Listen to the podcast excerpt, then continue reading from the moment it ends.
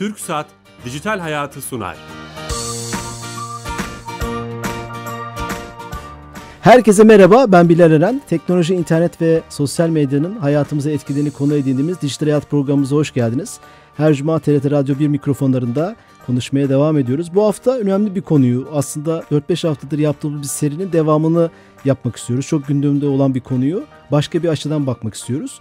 Blok zinciri, blok zi chain teknolojisini bankacılar gözünden konuşacağız. Daha önce yatırımcılar e, teknik anlamda, teknik açıdan da bakmıştık. Bu sefer bankacılar gözünden bakacağız. Çok değerli bir konuğumuz var.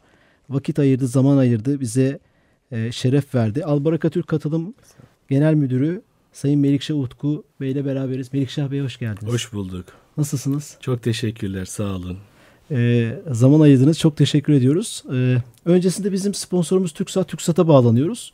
Hayatımızı kolaylaştıran servisleri yapan E-Devlet kapısını organize ediyorlar. Oradan bir servisi kendilerinden dinleyeceğiz. Telefon attığımızda Fatih Çiçek var. Yönetici direktör arkadaşımız. Fatih Bey. Ee, merhaba Bilal Bey. İyi yayınlar diliyorum. Teşekkürler. Nasılsınız? İyiyim. Sağ olun. Sizler nasılsınız? Sağ olun. Ee, bu hafta hangi servisi anlatacaksınız? Ya bu hafta e, çok kısa süre önce açtığımız alt üst soy bilgisi sorgulama hizmetimizden bahsetmek istiyorum. Ben de bunu soracaktım Gerçekten size. Çok iyi oldu. Çok ses getirdi. Vatandaşlar tarafından soy ağacı sorgulama olarak bilinen e, hizmetimizden bahsetmek istiyorum. E, hizmet açılalı çok kısa bir süre olmasına rağmen 8 milyondan fazla sorgunun yapıldığı bir hizmet. E, vatandaşlarımız meyveyden e, alınan servisle on, o verilerle alt üst soylarını 1800 yılların başlarına kadar görebiliyorlar. Süper. Ee, burada e, bu hizmeti diğer hizmetlerden ayıran bir özellik var. Biraz da yoğunluğun sebebi kullanım sıklığının vatandaşlarımız tarafından talep edilmesi sebebi de bundan önceki açmış olduğumuz hizmetler bir şekilde vatandaşlarımızın bir grubuna hitap ediyordu. Ya öğrenciye e, ya çalışan hayatına ya da sektörün bir kısmına. Ama bu hizmet tüm Türkiye'ye, e, tüm vatandaşlara ve 36 milyondan fazla kullanıcımızın hepsine hitap ediyor. O noktada biraz özel bir hizmet, özellikli bir hizmet. Vatandaşlarımız tarafından da e, çok karşılık gördü, çok gündem oldu. Bundan da mutluyuz. E, ve e, problemsiz bir şekilde inşallah hizmet vermeye de devam edeceğiz. Son gördüğüm habere göre 5 kişiden bir kişi soyacını talep etmiş sizden. Bu müthiş bir rakam. Yani herkes Doğru, merak doğru. etmiş. Çok faydalı oldu bence. E, vatandaşlarımızın tarafından bir karşılık bulması ve onların e, bir veriye ulaşmasına yardımcı olacak ne mutlu bize. Süper. Elinize sağlık tüm ekibe selamlar. Baş üstüne iyi yayınlar diliyorum. Sağ olun. Teşekkürler. Evet TürkSat'a da bağlandık. Soy ağacı konuştuk. Bilmiyorum hiç e, sizin de kullanma şansınız veya e, Bir ara kapanmıştı diye duydum. Açıldığını Evet, duyar açıldı. duymaz dün akşam aslında başvurdum. Az önce de gelirken mesaj gelmiş E-Devlet'ten bakabilirsiniz diye. Dönünce ilk iş bakacağım. Bakın merak ediyoruz. Güzel bir hizmet. TürkSat güzel çalışıyor. Ee, güzel hizmetler sunuyor. Yeni açan dinleyicilerim için tekrar edeceğim. Çok değerli bir konum var. Albaraka Türk Katılım Bankası Genel Müdürü Sayın Melikşah Utku. Kendisiyle bankacılar gözünden Türkçe tabirle blok zinciri teknolojisini konuşacağız. Blockchain diye hayatımıza girdi ama Türkçesine de dikkat etmek lazım. Ee, şöyle başlayalım mı? Biz bu konuyu birkaç açıdan baktık ama e, hiç bir bankacı gözünden bakmamıştık. Bir ekonomi, ekonomist, e, e, parayla e, ilgili bir e, uzmanın gözünden. Bu bir devrim mi? Hani bütün o bildiğimiz her şeyi değiştirecek mi bu blockchain teknolojisi? Çünkü öyle anlatılıyor özellikle bu işin sevdalıları tarafından. Şimdi tarihe baktığımız zaman bütün teknolojilerin aslında potansiyel olarak bir devrim potansiyeli var içinde. Bunun ger- hayata dönüşmesi, gerçekten hayat, hayatımızı değiştirmesi, iş yapış tarzımızı ve her teknoloji aslında yeni teknolojiler, yeni iş yapış tarzlarını da gerektiriyor. Şartlarla alakalı olmuş. Belli bazı ülkelerde e, gelişmeler olmuş, belli bazı ülkelerde belli bazı şartlar olunca olmamış. Söz gelimi fax. Mesela fax 1960'lardan beri bilinen bir teknoloji aslında. Ama ne zaman hayatımıza gerçek anlamda girdi? İşte 80'lerden sonra. Uluslararası ticaretin e, arttığı, e, ihracat, model ihracat e, tetikleyen ihracatın öncü olduğu iktisat modellerinin hayata geçtiği bir çağda oldu fax e, ön plana çıktı. E, o bakımdan teknolojinin hangi zamanda hangi şartlarda ve kimler tarafından desteklendiğinin önemi var. Blockchain gerçekten veya blok zincir Türkçe dediğiniz gibi kullanmamız lazım. e, bir potansiyeli, ciddi bir potansiyel taşıyan bir teknoloji. E, tarih boyunca insanoğlu toplum içerisinde bir varlığın başka bir var, e, bir varlığın bir kişiden başka bir kişiye geçmesi durumunu çeşitli kurumlarla, çeşitli süreçlerle tefsik etmeye, ispat, ispat edilebilir hale getirmeye çalışmış. Noterler var, e, bankalar var. Yani bildiğimiz aracı kurumlar, bildiğimiz şahitler, var. şahitler bildiğimiz mahkemeler, bildiğimiz birçok kurum, birçok süreç aslında A varlığının bir kişiden bir kişiye geçtiğini, nasıl geçtiğini ispat edilebilir olduğunu, bütün sözleşmeler bunun üzerine kurulu. E, blok blok zincir e, mekanizması da teknolojisi de bir yerde e, buraya bir alternatif getiren bir teknoloji. Ama alternatif getirmiş olması, getiriyor olması bunun her zaman hayata geçebileceği anlamına gelmiyor. Dediğimiz gibi e, bir varlık eğer benden size geçerken bunu kabul edecek kurumlar da blok zincirdeki teknolojisini kabul etmezlerse yani neticede hukuki bir durum söz konusu e, bu varlığın kimde olduğuyla alakalı. E, bunu da kabul edecek olanlar neticede resmi kurumlar olacaktır büyük ölçüde. Tabii ki özel şirketler, özel kurumlarda bir malın e, neticede satılıp satılmadığını veya geri alınıp alınmadığıyla alakalı bir yığın e, süreç işleteceklerdir. Bu anlamda kullanabilir ama her halükarda her şeyi nihai kertede hukuki düzeneye bağlı olduğu için burada uluslararası hukuk sistemi ve yerel hukuk sistemleri ne diyeceği çok ön plana e, geçiyor. E, bu dönemde de ayrı teknolojiler devreye girebilir. Eski kurumların hayatiyetini devam ettiren teknolojiler de ortaya çıkabilir. Doğru. O bakımdan blok zincir atlanabilir bir teknoloji de olabilir. Ama potansiyel olarak ciddi anlamda bütün aracı kurumları yani bankalar, mahkemeler, noterler hatta birçok devlet kurumu ve sürecini ortadan kaldırabilecek e, e, bir mekanizma sunuyor. Tam da bunu soracaktım. Hani bu, bu teknolojiyi savunanlar şöyle savunanlardan ziyade devrim olduğunu kabul edenler hiçbir aracı olmayacak. Ne devlet ne noter e, ne banka gibi bir söylem içindeler. E, teknoloji de bunu besliyor argümanlarıyla. Ama e, o zaman bir önce söylediğimiz şey boşa çıkmıyor mu? Hani böyle bir aracı sistem olmayacaksa e, hukuk nasıl mücadele edecek veya hukuk neresinde olacak bu işin? Resmi kurumlar neresinde olacak? İki kişi bu konuda e, kendi arasında bu teknolojiyi kullanıyorsa, onlar kabul ediyorlarsa burada bir karmaşa var sanırım. Evet. Şimdi maalesef e, herhangi bir transaction'ın veya herhangi bir işlemin yani bir varlık burada varlık derken para olabilir bu mal olabilir bir hizmet olabilir e, bir borç alacak ilişkisi olabilir fikri bir mülkiyet olabilir sözleşme diyorlar sözleşmeler olabilir iki kişi arasında olması telif diyorlar, doğrudur sana. telif işte bütün her şey her varlık şey. yani düşünebileceğiniz evet. her şeyi varlık kategorisine sokabilirsiniz bir kişiden bir kişiye geçmesi belli şartlar dahilinde e, esasında teorik olarak bu model üzerine kuruluyor. Bunu tefsik etme mekanizması e, noter olabilir, sözleşme olabilir, imzalar olabilir, çeşitli mekanizmalar olabilir. Dediğim gibi tarih bütün kurumlarımız bunların üzerine kurulmuş durumda. E, eğer sadece iki kişiden ibaret olsaydı e, arbitraj dediğimiz iki kişinin kendi arasında anlaşma mekanizması e, her zaman mümkün olabilirdi. Ama maalesef birçok hukuki e, ihtilaf konusu aslında sadece iki taraftan iki çoklu taraftan bir, çoklu bir şey, tamam. ziyade çoklu kişileri e, şey yapıyor. Her türlü bir kez her türlü e, işlemin, her türlü mal akışının genellikle bir vergi boyutu oluyor. Mesela devlet de ondan bir pay istiyor.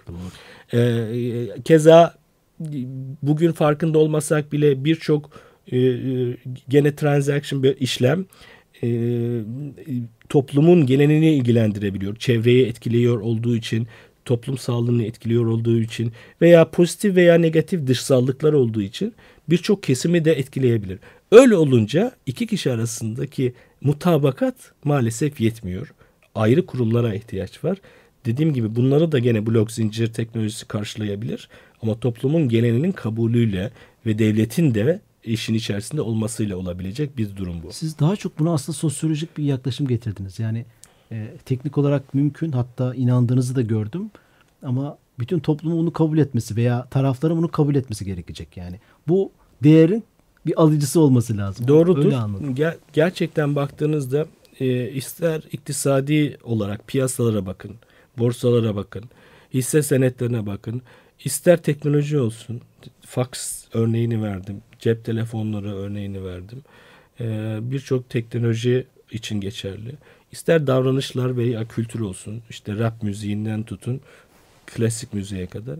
Bunların hepsinin uzun vadeli sürdürülebilirliği toplumun genel kabulüyle alakalı bir şey.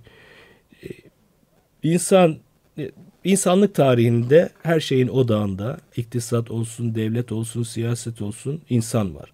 İnsanı ihmal ettiğimiz zaman sadece olayın teknik boyutuyla, parasal boyutuyla, siyasi boyutuyla düşündüğümüz zaman genelde duvara tas, tosluyoruz. Yanlış çıkarımlarda bulunabiliyoruz. Hayat öyle hemen e, öyle gitmiyor. İnsan onu çok enteresan e, e, noktalara taşıyabiliyor e, beklentilerimizi.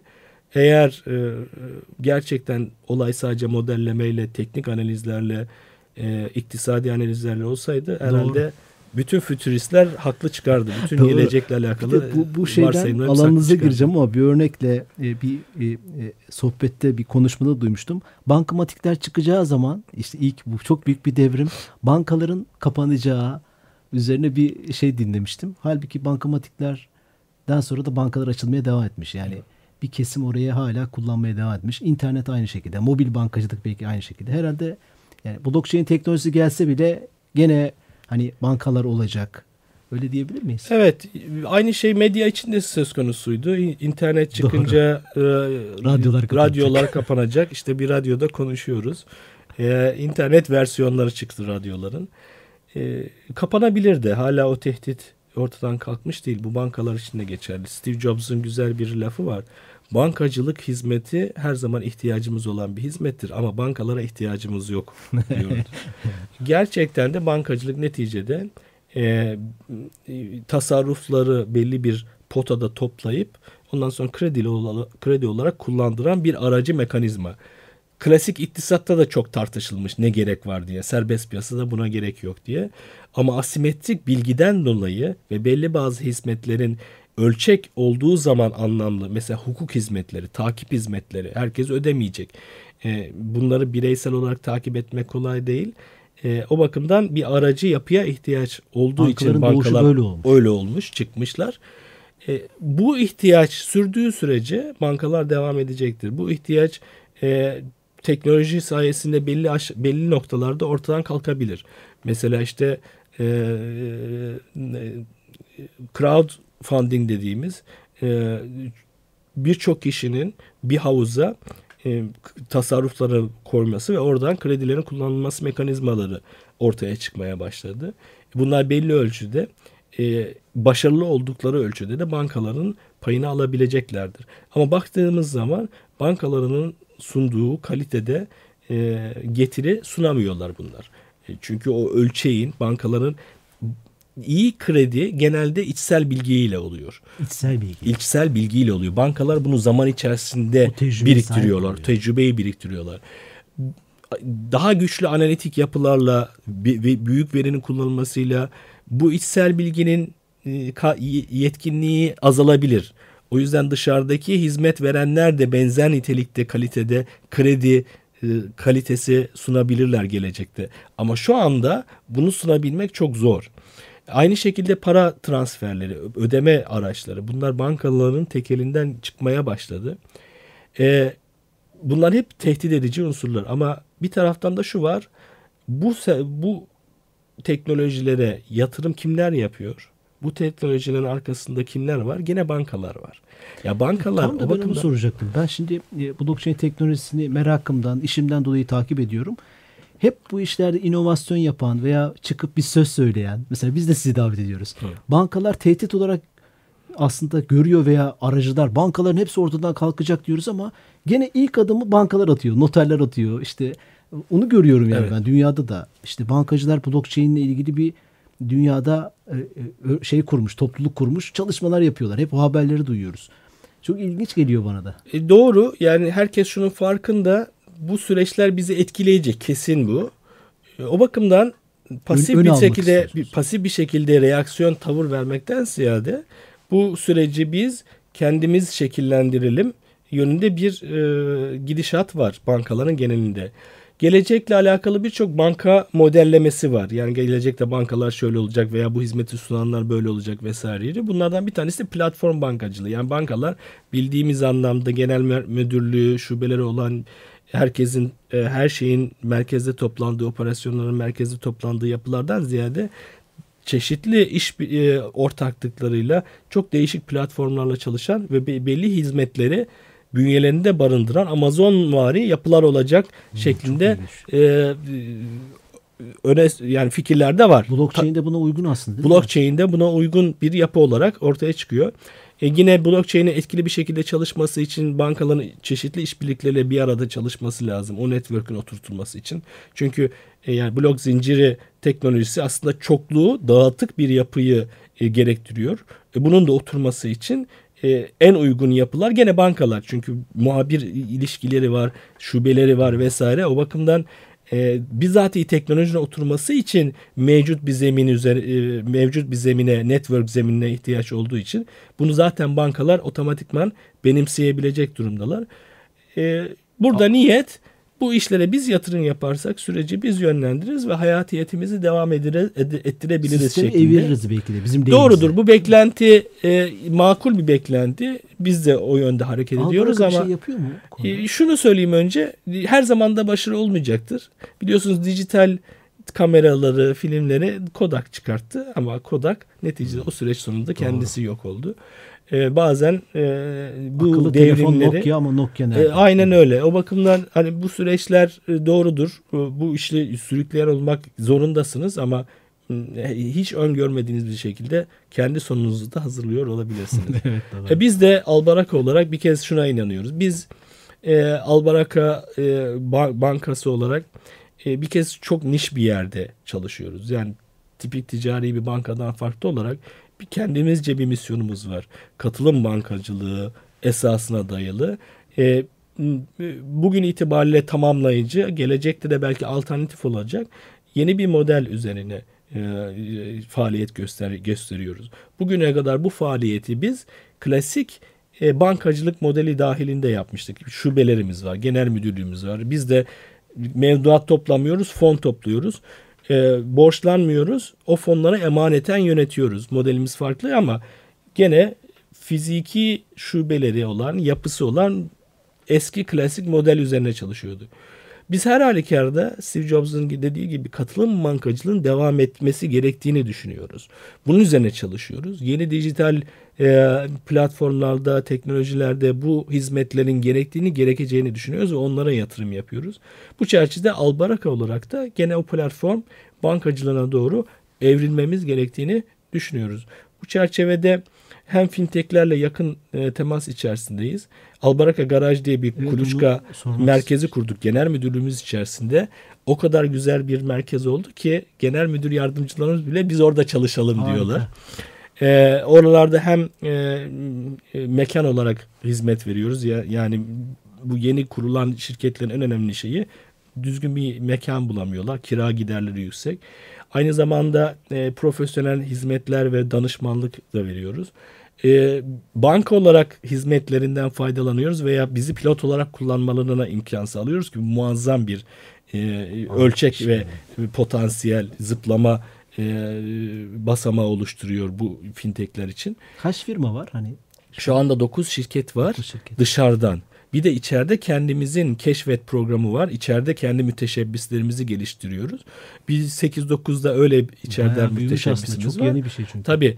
E, önümüzdeki dönemde de portföy yönetim şirketi kurduk. Orada da girişim sermayesi adı altında bir fon oluşturup bu startupları da bir de orada Bayağı girişimcilik dünyasına girmiş almak. Tabii yani zaten bizim katılım bankacılığının temel esası da biraz daha ortaklık yapılarıyla e, finansal kaldıraç oluşturmak. E, e, arzum bu bu alanda bizim e, daha fazla aktivite, faaliyet göstermemiz gerektiğini çalışma yapan var mı hiç?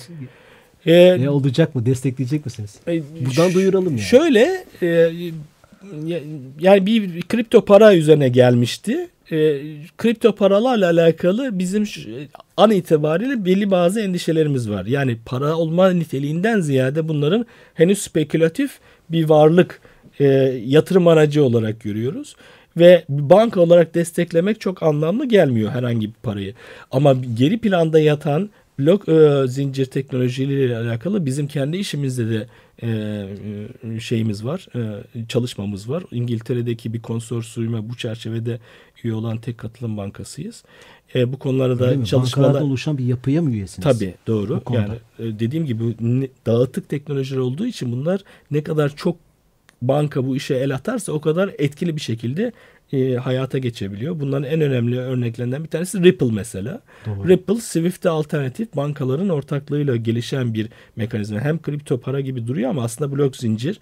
Blok zincir tarafı bankalar açısından önemli. Çünkü birçok uluslararası ticari e, dış ticaret işlemini ve para transferini bu yeni teknoloji sayesinde yapabilir hale geliyorsunuz. Bu çerçevede onlarla da görüşmeler yaptık geçmişte.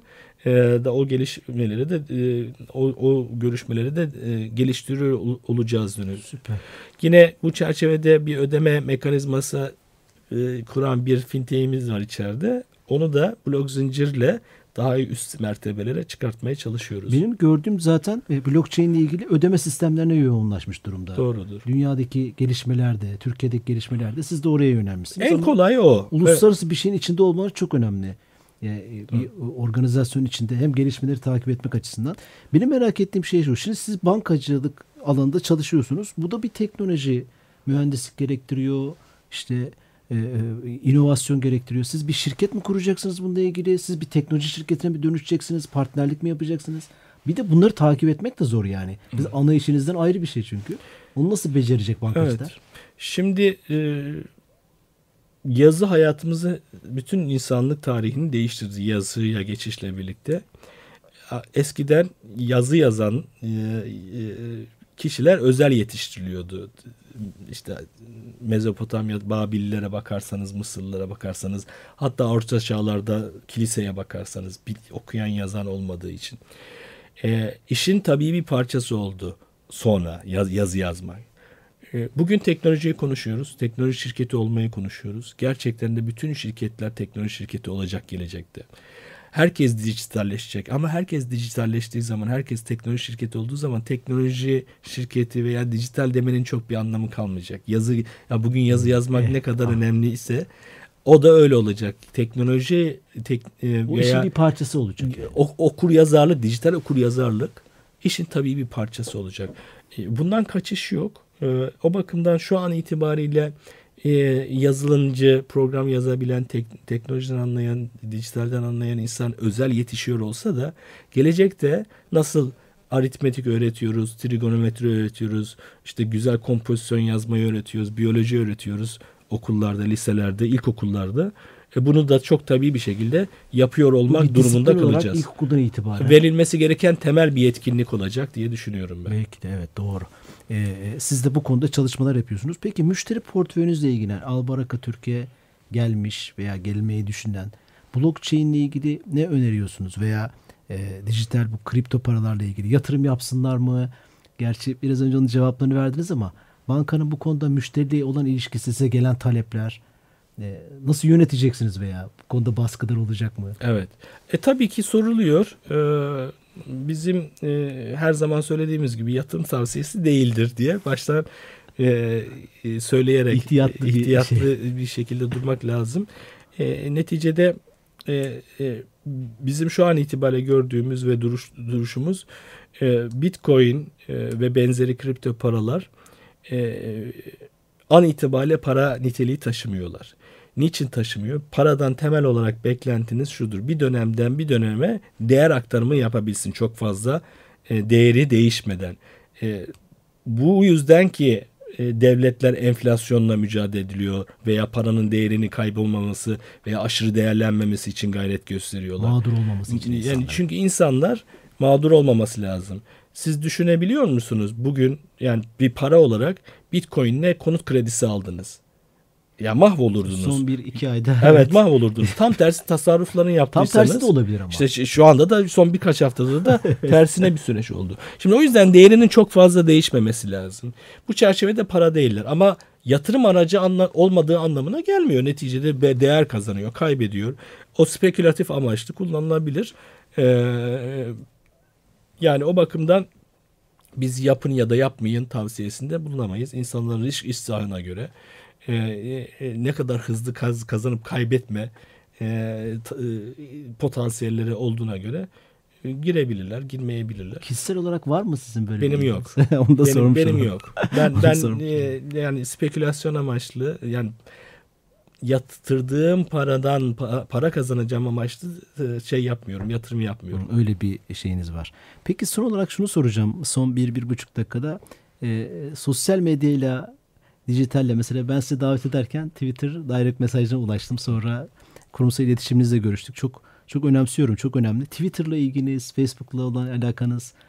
Bu, bu mesela bu e, programda anlattıklarınızı muhtemelen bizden birkaç adım önde görebiliyorsunuz gelişmeleri. Twitter'dan paylaşsanız veya işte sosyal medya araçlarından çok mu zor? E, şimdi e, tabii ben 90'lardan bu yana e, aslında dijital teknolojinin e, hayatımızı nasıl değiştirdiğiyle alakalı yani köşe yazıları yazdım, seminerler verdim.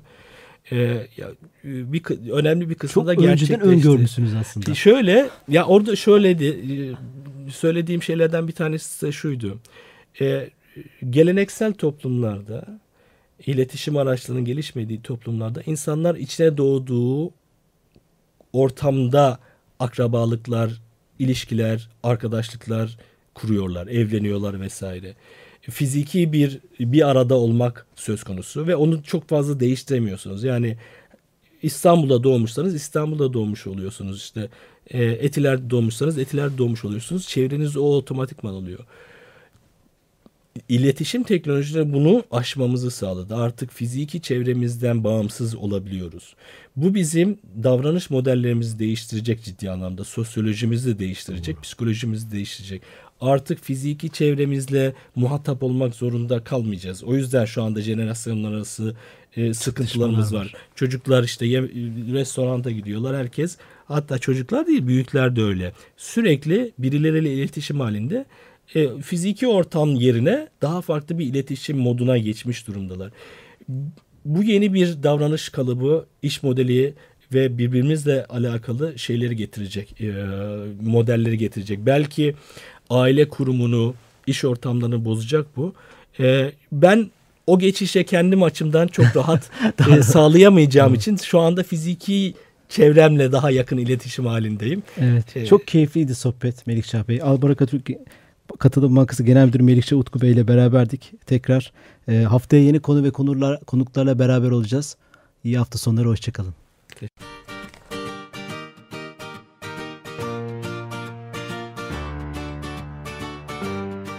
Saat Dijital Hayatı sondu.